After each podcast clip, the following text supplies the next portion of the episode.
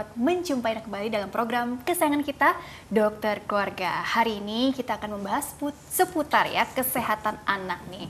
Temanya sangat menarik yaitu mengenai alergi oh, protein sapi pada bayi. Bagi Anda yang ingin bertanya silahkan kirim saja pertanyaan ke email kami di dokterkeluarga@tv@gmail.com. Hari ini narasumbernya adalah Dr. Andina Krisnawati Raharjo SPA. Beliau adalah dokter spesialis anak dari Omni Hospitals Alam Sutra. Kita sapa dulu dokter yang sudah hadir di samping saya tentunya. Halo dokter, apa kabar? Halo Mbak Rini, Alhamdulillah baik. Alhamdulillah baik. Dokter Andina, hari ini kita mau bahas seputar alergi protein sapi pada bayi begitu ya. Iya. Sebetulnya apa sih bedanya alergi protein sapi dengan alergi-alergi lainnya begitu ya yang sering kali juga ditemukan pada bayi atau anak-anak begitu ya dok ya. Iya. Karena uh, khawatirnya nih orang tua sudah terlalu ke keburu apa ya terlampau cemas, panik, ya, panik gitu ya. Padahal mungkin nggak nggak perlu terlalu panik juga asal sudah tahu ilmunya. Nah mumpung iya. langsung lagi bertemu dengan dokter nih,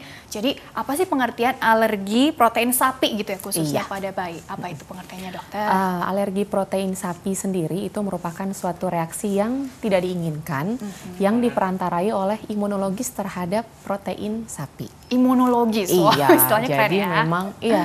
Jadi memang dia bedanya dengan uh, alergi yang lain. Yang ini spesifik alerginya terhadap protein sapi.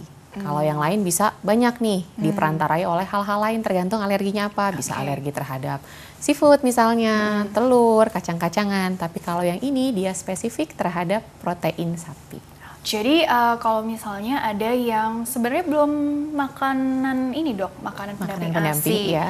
Baru menyusui dari ibunya aja langsung, tapi kok uh, dia alergi gitu ya dok ya. Ternyata setelah ditelusuri ibunya sebelumnya mungkin habis minum susu yang ada kandungan sapinya itu bisa juga dok bisa, seperti itu. Betul. Oh jadi kalau dilihat dari bentuknya, mengapa bisa langsung terjadi alergi itu bisa terjadi langsung artinya dia mungkin minum susu let's say susu formula nih kalau anaknya udah udah dikasih minum susu formula mm -hmm. atau mungkin yang tadi uh, dari asi ibunya. Jadi sebenarnya dilihat dari bentuk-bentuk terjadinya itu kira-kira bagaimana prosesnya sendiri dokter? Yeah.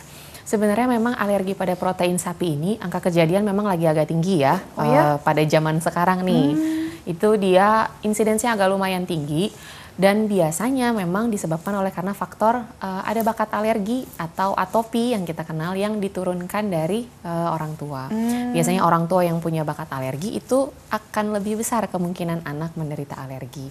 Nah, okay. ini kejadiannya biasanya cepat.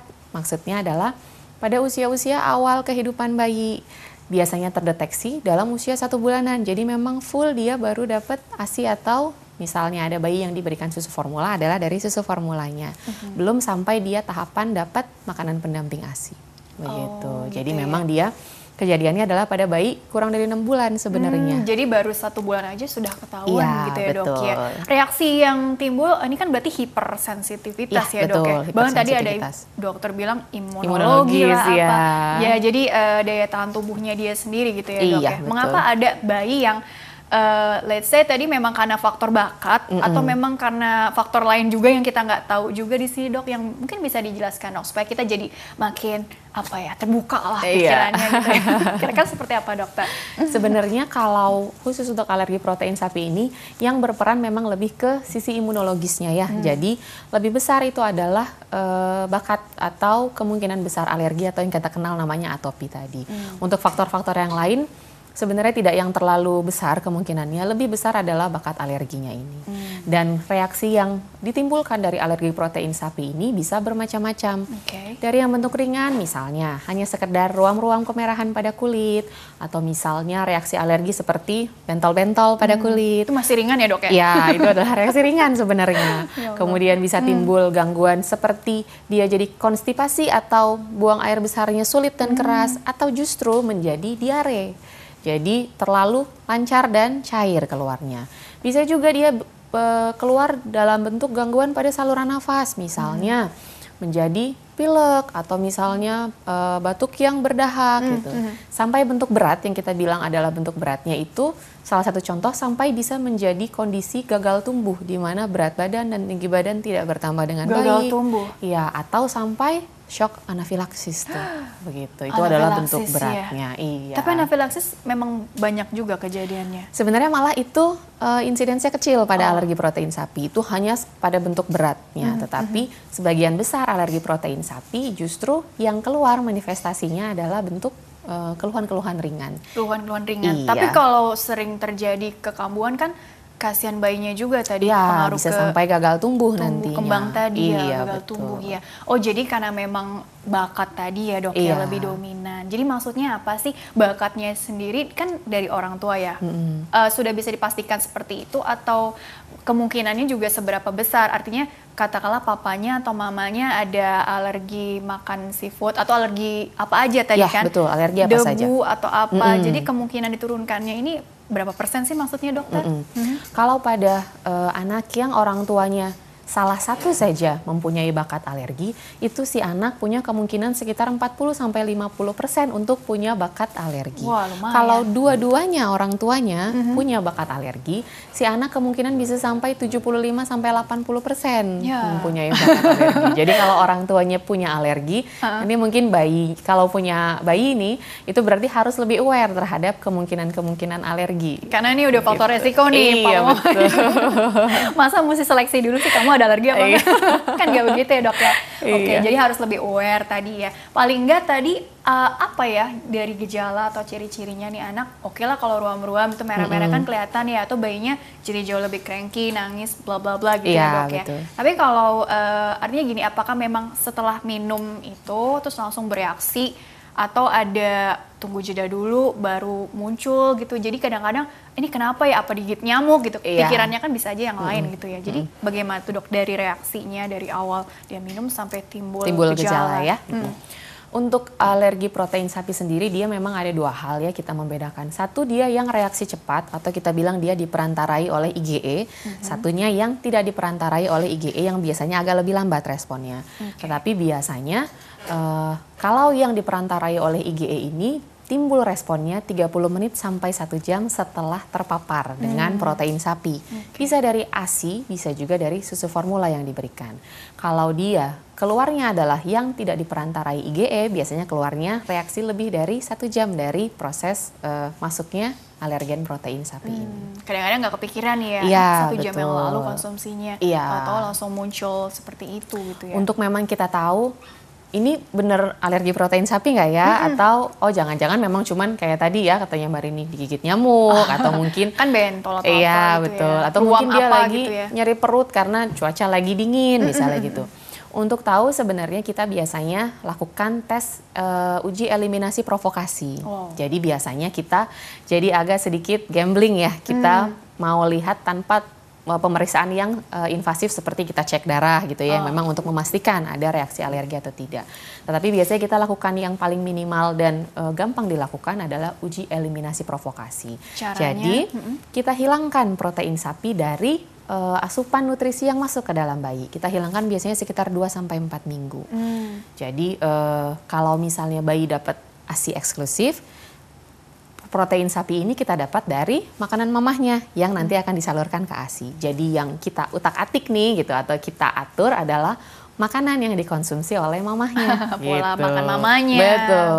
Tapi kalau misalnya bayi yang dapat susu formula, biasanya nanti akan kita berikan susu yang ada dua pilihan nih untuk alergi protein sapi yang pertama adalah yang terhidrolisa uh, secara ekstensif. Nanti ada tuh hmm. uh, apa namanya jenis-jenis susunya. Hmm. Yang kedua adalah susu asam amino. Oh. Itu dua susu ini tidak mengandung protein sapi. Oh, Kalau okay. memang ternyata dalam 2 sampai 4 minggu keluhannya hilang tanpa -hmm. obat apa pun, -hmm. berarti kemungkinan besar memang dia alergi pada protein hmm, sapi. Okay. Ini gitu. sebenarnya uh, bisa menetap tidak sih sampai dewasa dok alergi ini asal kalau misalnya ketahuan lebih cepat tadi, terus tadi dicoba dulu eliminasi nih uh, dua minggu sampai empat minggu ternyata memang perubahannya cukup baik gitu ya. Apakah mungkin bisa dibilang dia udah bisa beradaptasi ketika dicoba lagi mm -hmm. di apa ya di, dikasih lagi gitu? Ya, diprovokasi lagi uh, uh, uh. begitu ya. Kira-kira seperti apa tuh dok? Uh, hal ini biasanya dia sebenarnya membaik dengan bertambahnya usia. Oh. 50% kasus satu tahun pertama dia sembuh sendiri, hmm. menghilang sendiri. uh, sekitar 70 75 persen di tahun kedua, 80 persen dia menghilang di tahun ketiga kehidupan bayi ya gitu. Jadi um, biasanya sebagian besar pada saat dia mencapai usia satu tahun keluhan ini berkurang dengan sendirinya. Hmm. Tetapi ada tapinya nih nggak hmm. enaknya uh, bisa timbul manifestasi alergi terhadap yang lain, bukan Yo. pada protein sapi. Karena memang sebenarnya anaknya jadi punya bakat alergi ya gitu. Iya, iya, iya. Iya, jadi ada nggak enaknya ya. Yang satu hilang, yang satunya nih biasanya timbul manifestasi. Cuman karena kita lagi bahas Iya, betul. Cuman karena kita lagi bahas protein sapinya uh. nih, ini biasanya kita waspadai terjadi pada awal-awal uh, usia kehidupan sampai dia biasanya makin uh, menghilang gejalanya sampai usia satu tahunan. Hmm. Biasanya eliminasi ini setelah kita kurangi dia 2 sampai 4 minggu, hmm. kemudian kita coba kasih lagi. Kalau coba dia paparkan lagi gitu iya, ya. betul. Kalau dia uh, timbul lagi gejalanya, biasanya kita hilangkan nanti usia 6 bulan kita coba lagi. Oke. Okay. Kalau masih timbul kita hilangkan, usia 9 bulan kita coba lagi. Jadi istilahnya terus kita lakukan uji eliminasi provokasi sampai si bayi sudah bisa untuk kita kasih tanpa ada gejala alergi. Oke, okay. nah dokter sebenarnya apa sih bedanya alergi protein ini gitu -hmm. ya pada bayi dengan uh, laktosa intoleran gitu ya? Itu okay. kan sering-sering juga tuh didengar gitu ya. Ini mirip-mirip -hmm. apa jelas berbeda gitu dokter? Kira-kira okay. apa? Sebenarnya ini dua hal yang sangat berbeda ya. Hmm. Yang satu adalah reaksi alergi, yang satu adalah reaksi intoleransi. Hmm. Dan ini untuk intoleransi ini dia khusus pada laktosa saja nih. Hmm. Dan keluhan yang timbul biasanya adalah tidak dominan ke arah alergi, tetapi dominannya adalah ke arah diare atau oh. gastroenteritis. Oke, okay. gitu. jadi begitu ya pengertiannya ya. Jadi jangan sampai bingung-bingung gitu ya. Iya. Sudah dijelaskan ya dokter Anina ya. Dokter kita jeda dulu sebentar, okay. nanti dilanjutkan kembali di segmen selanjutnya ya. Baiklah pemirsa, jangan ke mana-mana, tetaplah bersama kami. Kami akan kembali sesaat lagi.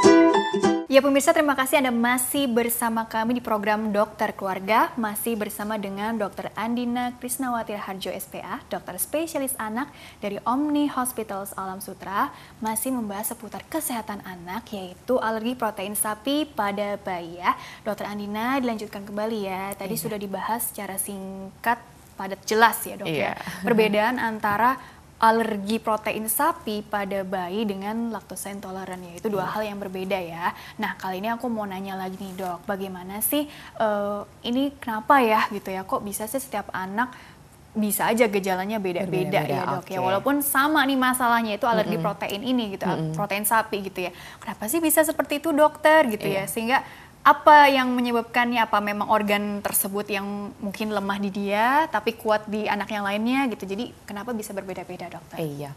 Memang sebenarnya respon alergi pada tiap anak yang punya bakat alergi itu berbeda-beda, tergantung kondisi anak masing-masing. Okay. Seperti tadi yang dibilang ya sama Mbak Rini bahwa mungkin ada yang sensitifnya adalah pada saluran cernanya, ada yang sensitifnya pada kulitnya, ada juga yang sensitifnya pada saluran pernafasannya. Jadi di situ biasanya yang paling gampang timbul respon alerginya begitu ada uh, alergen yang masuk ke dalam tubuh. Hmm. Jadi dia timbulnya bisa uh, berbeda-beda pada masing-masing anak. Dianggap zat asing ya dok ya, iya, ya si betul. alergen ini. Sebenarnya tubuhnya itu mungkin udah berusaha untuk melawan juga sih ya, iya, ya dok ya. Betul. Tapi memang namanya hipersensitif ya bagaimana lagi imunologis iya, tadi ya dokter iya, bilang ya. betul. ya langsung timbul reaksi, reaksi alergi, alergi yang beragam. Nah dok untuk mengetahui lebih dalam lagi walaupun tadi di segmen awal sempat dijelaskan juga sih ada yang tadi pengaruhnya ke saluran pencernaan atau iya. ke kulit hmm. atau macam-macam ke pernafasan gitu ya dok ya.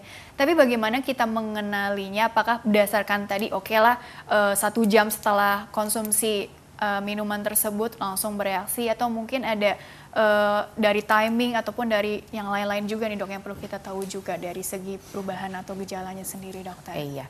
Uh, jika kita memiliki bayi baru lahir, memang biasanya kita uh, lebih banyak khawatirnya ya, apalagi mm -hmm. misalnya pasangan baru uh, saya menekankan bahwa hal ini memang uh, sering terjadi pada bayi baru lahir pada zaman sekarang. Jadi mungkin memang kita uh, lebih perlu untuk lebih banyak khawatir pada bayi baru lahir. Apabila timbul gejala-gejala seperti ini, kalau saya menyarankan lebih baik kita curiga untuk hal yang uh, berlebihan dulu. Mm. Itu akan lebih baik pada okay. bayi baru lahir ya, mm-hmm. daripada kita jatuhnya malah kelewatan nih. Iya, gitu. udah tenang aja kan ada juga yang seperti itu ya. Jadi biasanya kalau misalnya pada umur-umur awal dari dia awal uh, lahir, jika timbul tanda-tanda yang tadi seperti saya katakan, lebih baik kita berpikir apakah memang ada alergi pada protein sapi kita kesampingkan dulu kemungkinan mungkin saja ini cuma adaptasi biasanya begitu. Karena uh, pada eh, menit-menit uh, awal kehidupan pada saat dia inisiasi menyusui dini, mm -hmm. kalau ASI ibu sudah keluar, dia sudah terpapar dengan eh, zat-zat uh, yang bisa mengandung protein sapi. Jadi mungkin saja 30 menit setelah lahir sudah timbul tuh reaksinya. Mm -hmm. gitu. Jadi kalau ada timbul reaksi-reaksi uh, seperti yang tadi saya jelaskan, curiga saja dulu ke arah alergi protein sapi. Cara gampangnya untuk memastikan betul tidak ya ini alergi protein sapi, kita coba eliminasi tadi seperti yang saya katakan mm -hmm. 2 sampai 4 minggu. Mm -hmm. Kalau tidak hilang berarti bukan alergi protein sapi kita bisa kembalikan lagi makanan mamahnya tanpa ada pantangan ataupun susunya, susu formula seperti biasa yang mengandung protein sapi. Mamanya berkorban dulu ya Iya ya. betul. Ya. Karena nggak mungkin tadi pemeriksaannya yang invasif ya dok ya. Iya. Kita uh, berusaha tadi nggak apa ya nggak bukan nggak tidak terlalu invasif dulu ya. Iya, supaya yang... bayinya juga karena masih satu iya, bulanan tadi ya sekali. dok ya. Kecuali mungkin uh, bisa nggak sih didapatnya uh, di usia yang 8 bulan ke atas, ke atas atau menjelang satu tahun begitu ya. Artinya semula nggak ada reaksi apa apa nih gitu ya.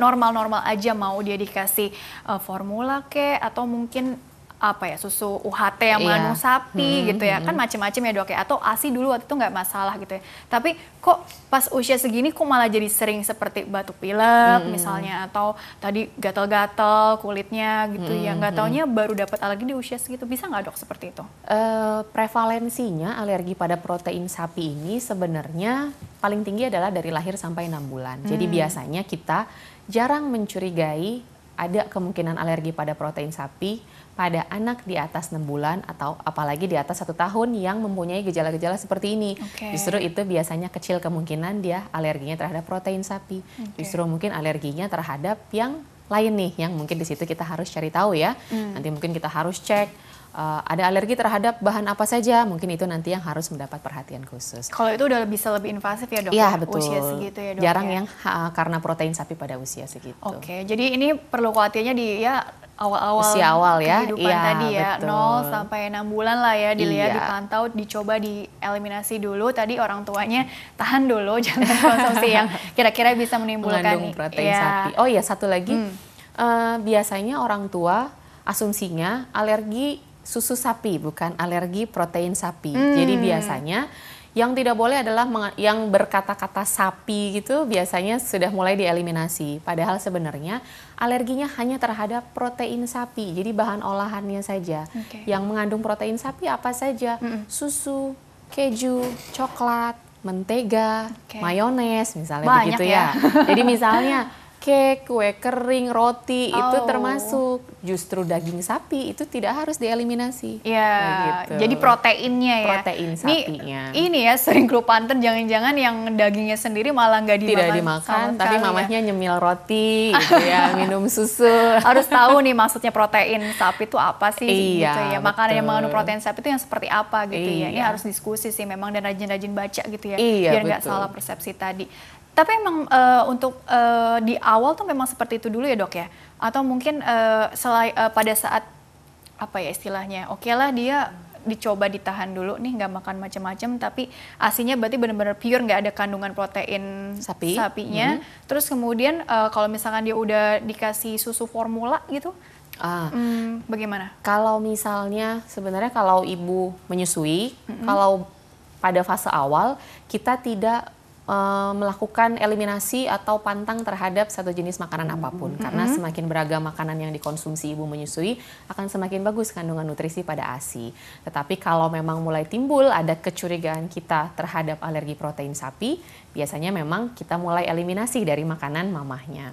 Nah, Uh, kalau bayi sudah dapat susu formula akan berbeda kasus dibandingkan okay. bayi yang ASI eksklusif. Mm -hmm. Kalau bayi ASI eksklusif yang kita uh, atur full adalah makanan mamahnya.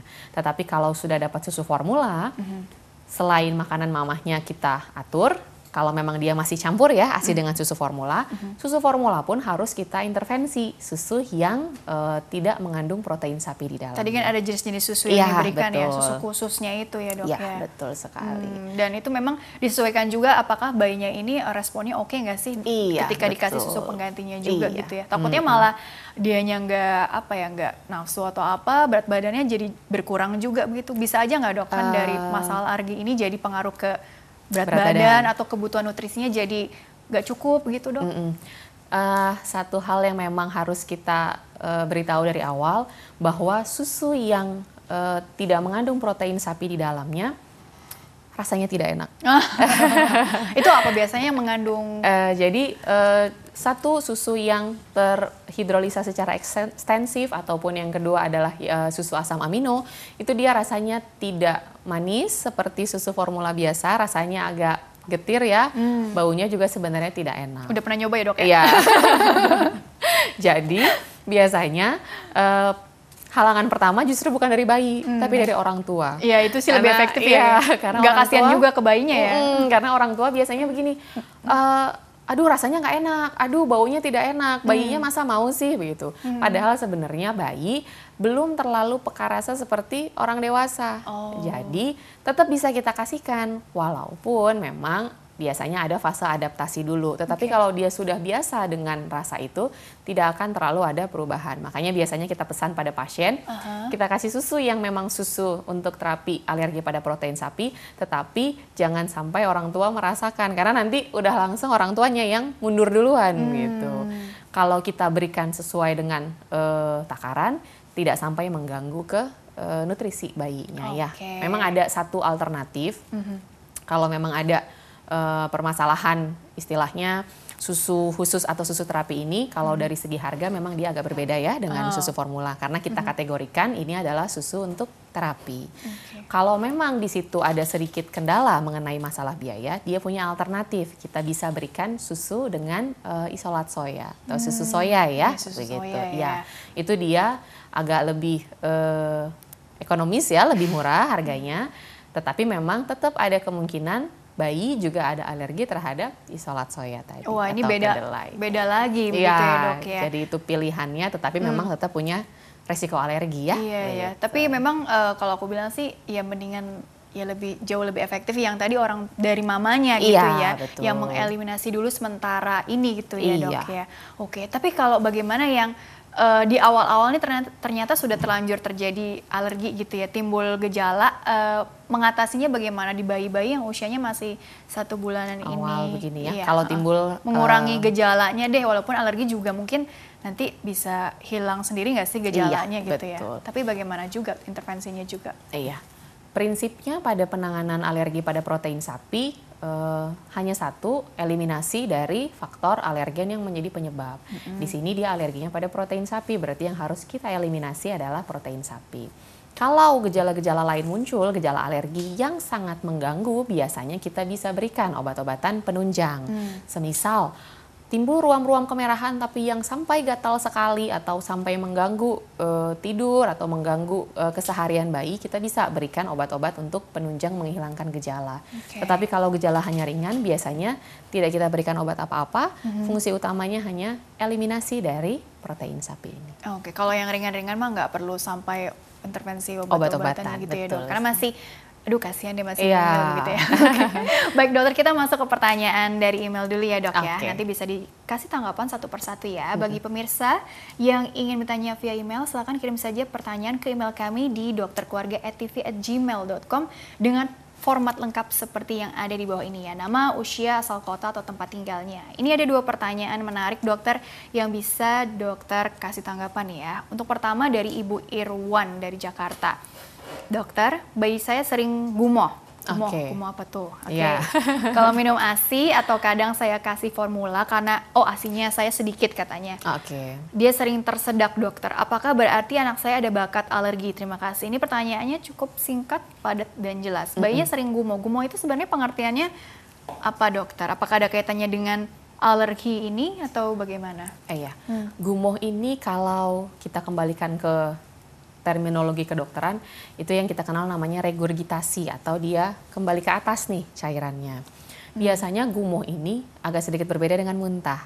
Hmm. Kalau muntah dia ada tekanan dari uh, perut. Oke. Okay. Jadi dia ada tekanan untuk ke atas. Tapi kalau gumoh biasanya lazim terjadi pada bayi sehabis minum. Biasanya kalau orang tua zaman dulu ya, bayi habis minum di uh, bikin sendawa dulu. Hmm. Itu oh, adalah tujuannya untuk apa ya? um, uh, mengurangi gumoh nih sebenarnya menurut orang zaman dulu ya gitu.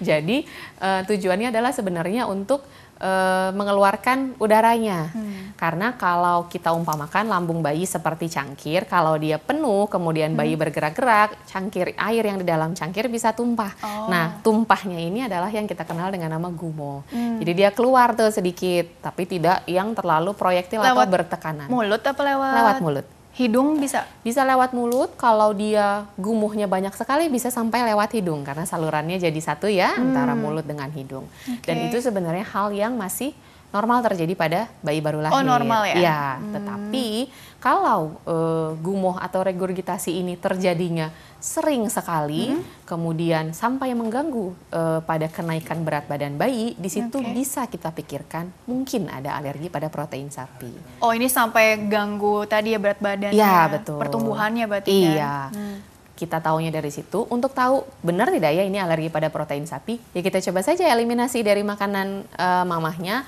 Plus kalau sebenarnya saya boleh saran, hmm? susu formulanya di stop dulu biar full ke ASI dulu nih oh, gitu ya. Walaupun ASINya produksinya sedikit tadi kan. Ah, sedikit atau tidaknya ini biasanya kadang-kadang suka subjektif. Oh. Kita menilai dulu nih sedikit menurut mamahnya belum tentu sedikit menurut kebutuhan bayi hmm. karena bayi kebutuhannya tidak terlalu banyak sebenarnya. Oke, jadi siapa tahu memang butuhnya memang segitu ya. ya. Jadi yang keluar juga segitu iya, gitu ya, Dok ya. Betul. Oke, jadi sarannya mungkin uh, formulanya ini di stop, di stop dulu, dulu, coba ASI. Fokus ASI dulu, tapi mamanya juga eliminasi, eliminasi protein sapi. Kalau okay. gumuh berkurang, kemungkinan besar memang alergi pada protein sapi. Apa memang ada bawaan tadi masing-masing bayi apa uh, pencernaannya ini jadi ini mirip-mirip GERD gitu nggak sih? Ah bisa. Kalau dia Tapi kan menjadi kan bentuk bayi. berat adalah GERD. ya. Uh -uh. Kalau dia menjadi bentuk berat itu adalah GERD tuh karena dia jadi uh, reflux ke atas ya. Hmm. Gitu. Tapi kalau misalnya pada awal-awal sebagian besar hanya adaptasi bayi normal atau alergi pada protein sapi tadi. Oke, adaptasi uh, yang normal atau kemungkinan memang ada, ada alergi, alergi protein betul. gitu ya, protein sapi gitu ya. Hmm. Jadi memang ikuti saran dulu dari dokter Andina tadi ya untuk Ibu Irwan ya. Baiklah, ini pertanyaan selanjutnya dari Ibu Tiur Bekasi, dokter bagaimana membedakan alergi dan pilek pada anak. Oke. Okay. Anak saya pernah dicek dan katanya sulit dibedakan antara apa dia alergi atau memang sedang pilek. Oh. Oke. Okay karena hidungnya itu penuh lendir dan nafasnya berbunyi grok grok cukup grok, grok. jelas. Iya. Oke, okay, mohon arahan dokter, terima kasih.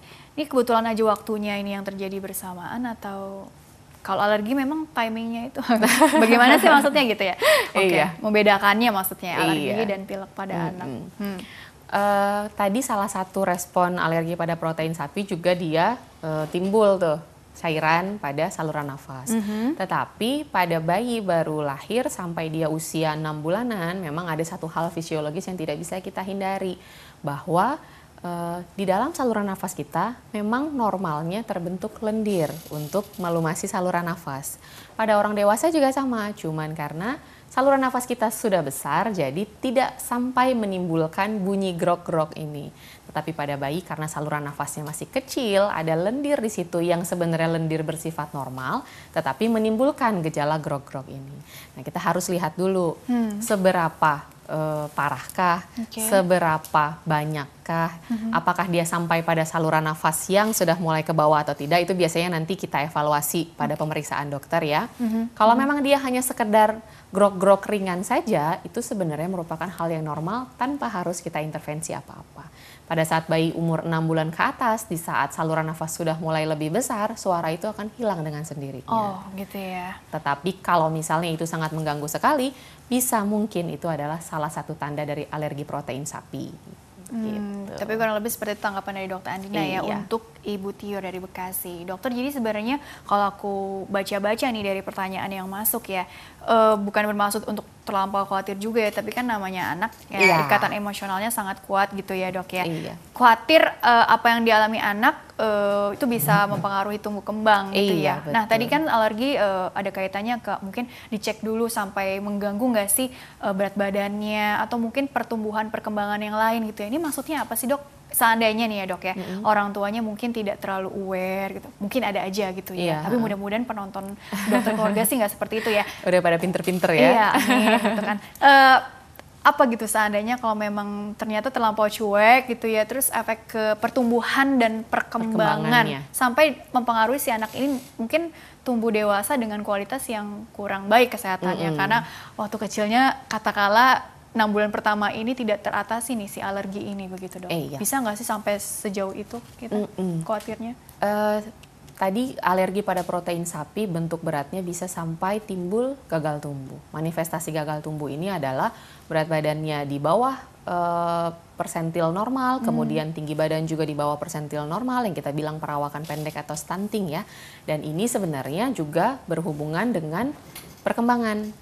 Bisa sampai timbul juga kondisi malnutrisi ataupun bisa sampai timbul kondisi gizi buruk. Nah, hmm. kondisi gizi buruk ini otomatis semua nutrisi baik yang makro maupun yang mikro tidak bisa dipenuhi oleh tubuh sehingga itu mempengaruhi sekali ke tumbuh kembang semua aspek yang ada di dalam tubuh bayi. Padahal kita tahu lagi sering disebut-sebut eh, bahwa seribu hari pertama kehidupan itu sangat penting karena di situ otak berkembang pesat sekali. Mm-hmm. Lewat dari seribu hari kehidupan itu biasanya perkembangan sudah tidak seoptimal pada saat awal. Jadi apa pun kesalahan ataupun apa pun hal-hal yang terjadi pada seribu hari pertama kehidupan ini, efeknya bisa sangat besar pada tumbuh kembang pada saat nanti uh, dewasanya. Ke kognisi, ya, tadi uh, stunting, perawakan ya, pendek gitu ya. Gizi buruk, gizi malnutrisi, buruk. iya betul. Uh, apa tadi gagal tumbuh begitu ya, iya. ya dok ya. Mm -hmm. Tapi memang kalau di Indonesia kasusnya bagaimana dok untuk kondisi gagal, gagal tumbuh? tumbuh? Uh, masih ada beberapa kasus yang kita dapatkan ya. Bahkan sebenarnya saat ini yang lebih banyak kasus tidak yang terlalu pada berat badan karena mungkin orang tua dari zaman dulu fokusnya adalah berat badan. Anak hmm. harus terlihat gendut, anak hmm. harus terlihat berisi, itu hmm. tandanya anak sehat. Tetapi terkadang yang ditinggalkan adalah tinggi badan. Jadi tinggi badan menjadi kurang atau yang kita kategorikan stunting. Biasanya di sini masih ada beberapa kasus yang kita dapatkan bisa karena memang kondisi sosial ekonomi orang tua yang tidak memungkinkan pemenuhan zat nutrisi, hmm. tetapi bisa juga karena orang tua terlalu cuek tadi sehingga hmm. menjadi kelewatan atau tidak terpantau. Oke, tapi kalau untuk alergi protein sapi ini sendiri pengaruh ke mungkin perkembangan emosional gitu ya karena kan tadi fokus ke pertumbuhan apa ya secara kuantitas tinggi badan, berat badan, lingkar kepala, iya. terus uh, apa tadi yang satunya lagi yang perkembangan gitu kan lebih ke bagaimana dia mungkin bersosialisasi, iya. berbicara segala macam. Kalau untuk uh, emosionalnya gitu ya, apakah mungkin ada penelitiannya juga gitu ada kaitannya. Mm -hmm. Bagaimana dok? Mungkin bisa ada tanggapannya nggak? Kalau hmm. dari sisi emosional itu biasanya kita kaitkan dengan perkembangan ya. Kalau hmm. yang tadi kita sebutkan itu adalah pertumbuhannya, berat badan, tinggi badan, lingkar kepala. Untuk perkembangannya di situ kita bisa ikutkan emosionalnya. Pada anak yang mengalami gagal tumbuh, biasanya anak menjadi tidak aktif. Akhirnya mempengaruhi kepada perkembangan emosionalnya. Apalagi misalnya pada anak yang uh, usianya sudah usia sekolah, hmm. biasanya akan terjadi bullying dari teman-teman di lingkungan sekitarnya. Akhirnya hmm. itu amat sangat mempengaruhi perkembangan emosionalnya juga. Jadi hmm. lebih ke tadi bagaimana dampak psikologisnya begitu ya iya, ke dia gitu ya. Betul. Berarti memang kalau untuk fokus bahas seputar alergi protein sapi ini lebih ke screening di awal ya tadi ya. satu bulan pertama, terus bagaimana orang tuanya meng F, apa ya mengeliminasi iya, tadi ya makanan-makanannya sehingga tidak merugikan si bayinya. Iya. Kemudian juga kalau yang susu pakai susu formula mungkin di dirubah dulu, dulu dirubah iya, dulu betul. atau mungkin dikasih susu-susu yang lain tadi yang pilihan iya. soya atau mungkin soya atau susu asam amino atau yang terhidrolisa secara ekstensif tadi. Oke. Okay. Dok, tapi kalau untuk katakanlah si anaknya ini udah mulai makanan pendamping ASI, berarti uh, bagaimana juga nih? Jadi kita sekarang bicara yang setelah setelah enam bulan, bulan ya. gitu ya. Ini kan juga uh, tadi kan bukan berarti uh, ya udah nggak sama sekali ntar kurang menikmati hidup nggak sih kalau iya. soalnya makanan enak kan juga banyak juga yang dari protein sapi juga mm -hmm. kan gitu jadi uh, bagaimana juga untuk mengenalkannya pelan-pelan supaya reaksi alerginya itu juga lama-lama berkurang ya kayak misalnya orang dikasih alergi udang gitu yeah. kan terus dicoba perlahan-lahan sampai benar-benar gatalnya hilang kan ada juga ya iya. teknik yang seperti itu ini berlaku juga nggak sih untuk ya tadi sebenarnya udah dijelaskan sih cuma pengenalan secara bertahapnya ini bagaimana supaya bayi juga nggak kaget juga orang iya. tua juga eh, nggak uh, mau terlalu ambil resiko juga ibaratnya di sini kira-kira iya. seperti apa dok? edukasinya? Untuk awal uh, prinsip kita alergi pada saat sekarang memang tidak kita eliminasi secara full sampai dia dewasa seperti paradigma uh, dulu ya. Hmm. Kalau sekarang justru zat-zat apa saja atau bahan apa saja yang alergi yang menyebabkan alergi pada anak biasanya pada suatu umur ter tertentu kita mulai provokasi kembali hmm. dengan tujuan agar anak uh, sudah mulai terbiasa kembali terhadap zat-zat alergen tersebut. Nah, khusus untuk protein sapi ini sendiri mulai bisa kita provokasi kembali pada saat usia 6 bulan di saat dia sudah mulai dapat makanan pendamping ASI. Mm -hmm. Jadi di situ kita sudah mulai bisa kembali provokasi bayi sambil kita evaluasi. Kalau misalnya kita provokasi timbul gejala, kita eliminasi kembali. Kita eliminasi sekitar uh, 8 sampai 12 minggu. Setelah itu kita berikan kembali, kita provokasi lagi masih timbul gejala kita ya, eliminasi lagi betul jadi hmm. itu terus begitu tetapi khusus untuk yang di awal kalau kita sudah eliminasi di enam bulan uh, kita sudah provokasi di enam bulan maksud saya hmm. timbul gejala kita eliminasi dulu saat 9 bulan atau tiga bulan kemudian ya 12 hmm. minggu hmm. kita mulai provokasi lagi terus begitu sampai akhirnya tidak timbul gejala alergi terhadap protein sapi pada bayi sampai mungkin imunnya ini jadi terbiasa terbiasa iya, atau betul. kuat dalam tanda kutip dengan sendirinya ya. iya. ya oke menarik ya teorinya ya tapi memang seperti itu ya dok ya iya betul oke baik dokter kita jeda dulu sebentar nanti dilanjutkan di segmen terakhir ya dok okay. ya baiklah pemirsa jangan ke mana-mana tetaplah bersama kami kami akan kembali sesaat lagi Thank you.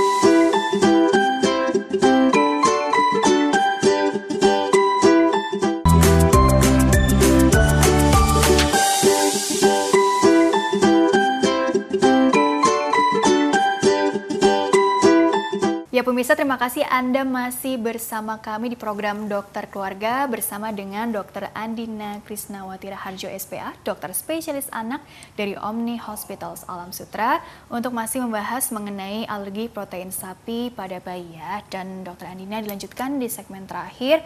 Aku mau nanya lagi hal-hal yang sangat penting juga nih mm -hmm. gitu ya. Karena uh, sempat di segmen sebelumnya bahas putar anafilaksis lah gitu yeah. ya. Itu kan kayaknya berat deh gitu ya. Yeah. Kalau kita googling sejenak dengan sumber yang akurat tentunya ya, wah ini kondisi yang duh gimana gitu ya Lumayan perasaan menyeramkan ya. Uh, uh, uh. jadi, jadi sebenarnya kalau untuk bicara tanda-tanda bahaya yang benar-benar yang wah ini udah nggak bisa main-main lagi, nggak bisa nggak bisa penanganan di rumah harus dibawa ke rumah sakit terdekat gitu ya. Itu iya. kira-kira ya. seperti apa tuh? Memang anafilaksis sendiri kita kategorikan sebagai bentuk dari alergi protein sapi yang berat. Apa tanda-tandanya untuk kita mengetahui bahwa ini sudah terjadi reaksi anafilaksis pada uh, anak kita?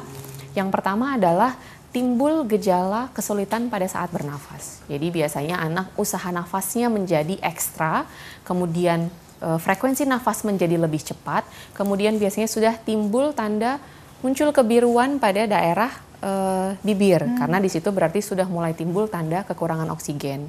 Kenapa dia sampai kurang oksigennya? Karena rasanya seperti tercekik. Jadi sebenarnya gampangannya adalah orang tua bisa melihat tanda-tanda seperti anak tercekik dan kesulitan bernafas uh, pada saat sebenarnya itu sedang terjadi reaksi anafilaksis. Ya Jika itu timbul, segera bawa ke sarana pelayanan kesehatan terdekat.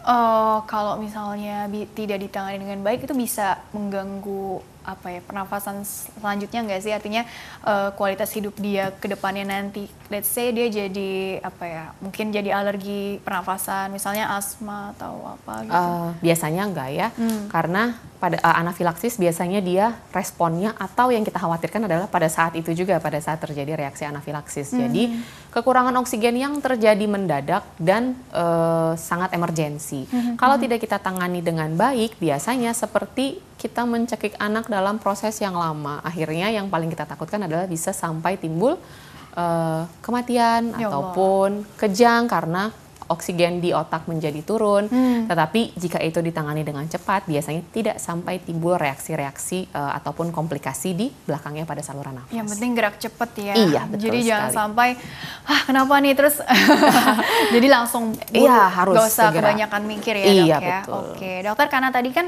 uh, sebelum closing statement gitu ya, tadi bahas uh, bahaya gagal tumbuh gitu ya. Iya. Hmm, jadi kan salah satunya adalah mengenali gejala alergi protein sapi pada bayi. Ini kan juga bagus banget nih kalau dilakukan dengan baik ini bisa mencegah gagal tumbuh juga begitu ya dok ya. iya. ya. Tapi secara secara keseluruhan gitu ya dok ya. Mungkin ada tambahan-tambahan lain juga nggak sih? Mumpung ini kan waktunya masih ada nih gitu ya mm -hmm. untuk mengedukasi khususnya para ibu-ibu atau bapak-bapak nih yang baru aja jadi orang tua yeah. gitu kan. Tentunya kan masih tahap belajar gitu ya. Iya. jadi kira-kira bagaimana itu dokter untuk mencegah gagal tumbuh? Gagal tumbuh ya.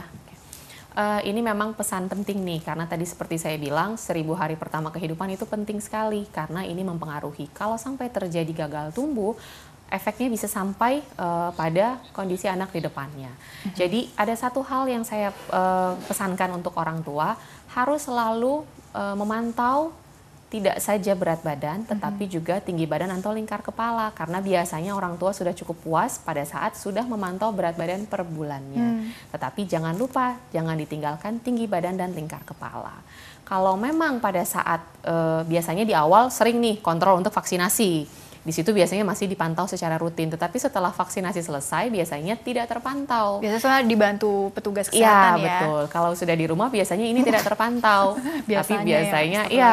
Hmm. Jadi biasanya kita uh, berpesan kepada orang tua kalau bisa di rumah punya timbangan sendiri atau punya alat ukur tinggi badan sendiri gitu ya hmm. supaya ini terpantau secara baik dan kita bisa menghindari gagal tumbuh karena begitu terdeteksi sejak awal kita bisa cari tahu penyebabnya di mana apakah alergika atau nutrisinya yang kurang atau hal-hal uh, lainnya sehingga bisa ditangani dengan baik. Jadi istilahnya kalau udah lepas dari jadwal imunisasi imunisasi yang wajib atau dasar gitu ya, jangan lupa orang tua atau caregivernya terus pantau setiap bulan ya, kenaikan betul. berat badan, tinggi, tinggi badan, badan tadi ya dok ya. Walaupun ada tinggi potensi akademik juga ya dok. Tinggi ya? potensi genetik ya. Eh, genetik kok akademik iya. sih. Dilihat dari uh, potensi dari kedua orang iya, tuanya betul. gitu ya. Tapi tetap uh, harus selalu dipantau, iya. dicari tahu juga penyebabnya kalau kalau ini kenapa sih iya, gitu ya. Betul. Biasanya konsul ke dokter anaknya tuh jangan-jangan nanti memang perlu dibawa ke klinik tumbuh kembang atau iya, apa gitu ya dok ya. sekali. ya. Harus segera intervensi uh, dengan cepat supaya kita bisa menciptakan generasi masa depan yang baik ya, berkualitas iya, gitu ya dok ya. Sekali. Dokter karena ya waktunya juga kan terbatas gitu ya dok iya. ya. Atau mau nambah lagi dok satu jam. Aduh. Temanya apa lagi nih tapi ya oke. Okay. Karena waktunya terbatas, jadi kesimpulan yang bisa dokter sampaikan mengenai tema hari ini alergi protein sapi pada bayi. Ternyata dari hal yang kelihatannya nih uh, simple, simple ya, ya. tapi iya. ternyata wah dampaknya luar biasa iya, ya dok ya. Ini yang kadang-kadang kita suka ketutup gitu cia. Iya. jadi closing statementnya dokter singkat saja mengenai tema hari ini supaya kita jadi makin terbuka wawasannya. Silakan iya. dokter. Uh, alergi pada protein sapi ini memang lazim terjadi sekarang dan bisa terjadi pada usia-usia awal kehidupan bayi sampai biasanya usia 6 bulanan. Jadi uh, pesan untuk orang tua adalah perhatikan apakah ada tanda-tanda awal dari alergi protein sapi seperti yang tadi sudah saya jelaskan. Jika timbul, maka hal yang paling simpel dilakukan sebenarnya tidak terlalu uh, invasif, tetapi hanya cukup dengan kita eliminasi protein sapi. Jika bayi masih mendapat ASI eksklusif, berarti yang harus kita atur adalah makanan dari si ibu. Tetapi kalau bayi mendapatkan susu formula, berarti harus kita berikan susu yang uh, khusus untuk terapi protein uh, alergi pada protein sapi yang tidak mengandung protein sapi, agar tumbuh kembang bayi nanti akan optimal dan tidak sampai terjadi bentuk uh, alergi pada protein sapi yang bentuk beratnya. Mungkin okay, itu saja dari saya ya. Anina, terima kasih telah berbagi ilmunya di sini insya Allah membawa banyak manfaat Amin. untuk orang banyak ya khususnya ibu-ibu milenial di luar sana gitu iya, ya. Betul. Sukses selalu untuk dokter ya. Terima kasih. Mbak. Ya, dan pemirsa terima kasih juga Anda telah mengikuti program ini. Jangan lupa untuk terus ikuti program Dokter Keluarga setiap Sabtu Minggu pukul 8 malam hanya di El Sinta TV. Saya Rini Ayuning Tias mohon pamit undur diri dari hadapan Anda. Terima kasih dan sampai jumpa. Thank you.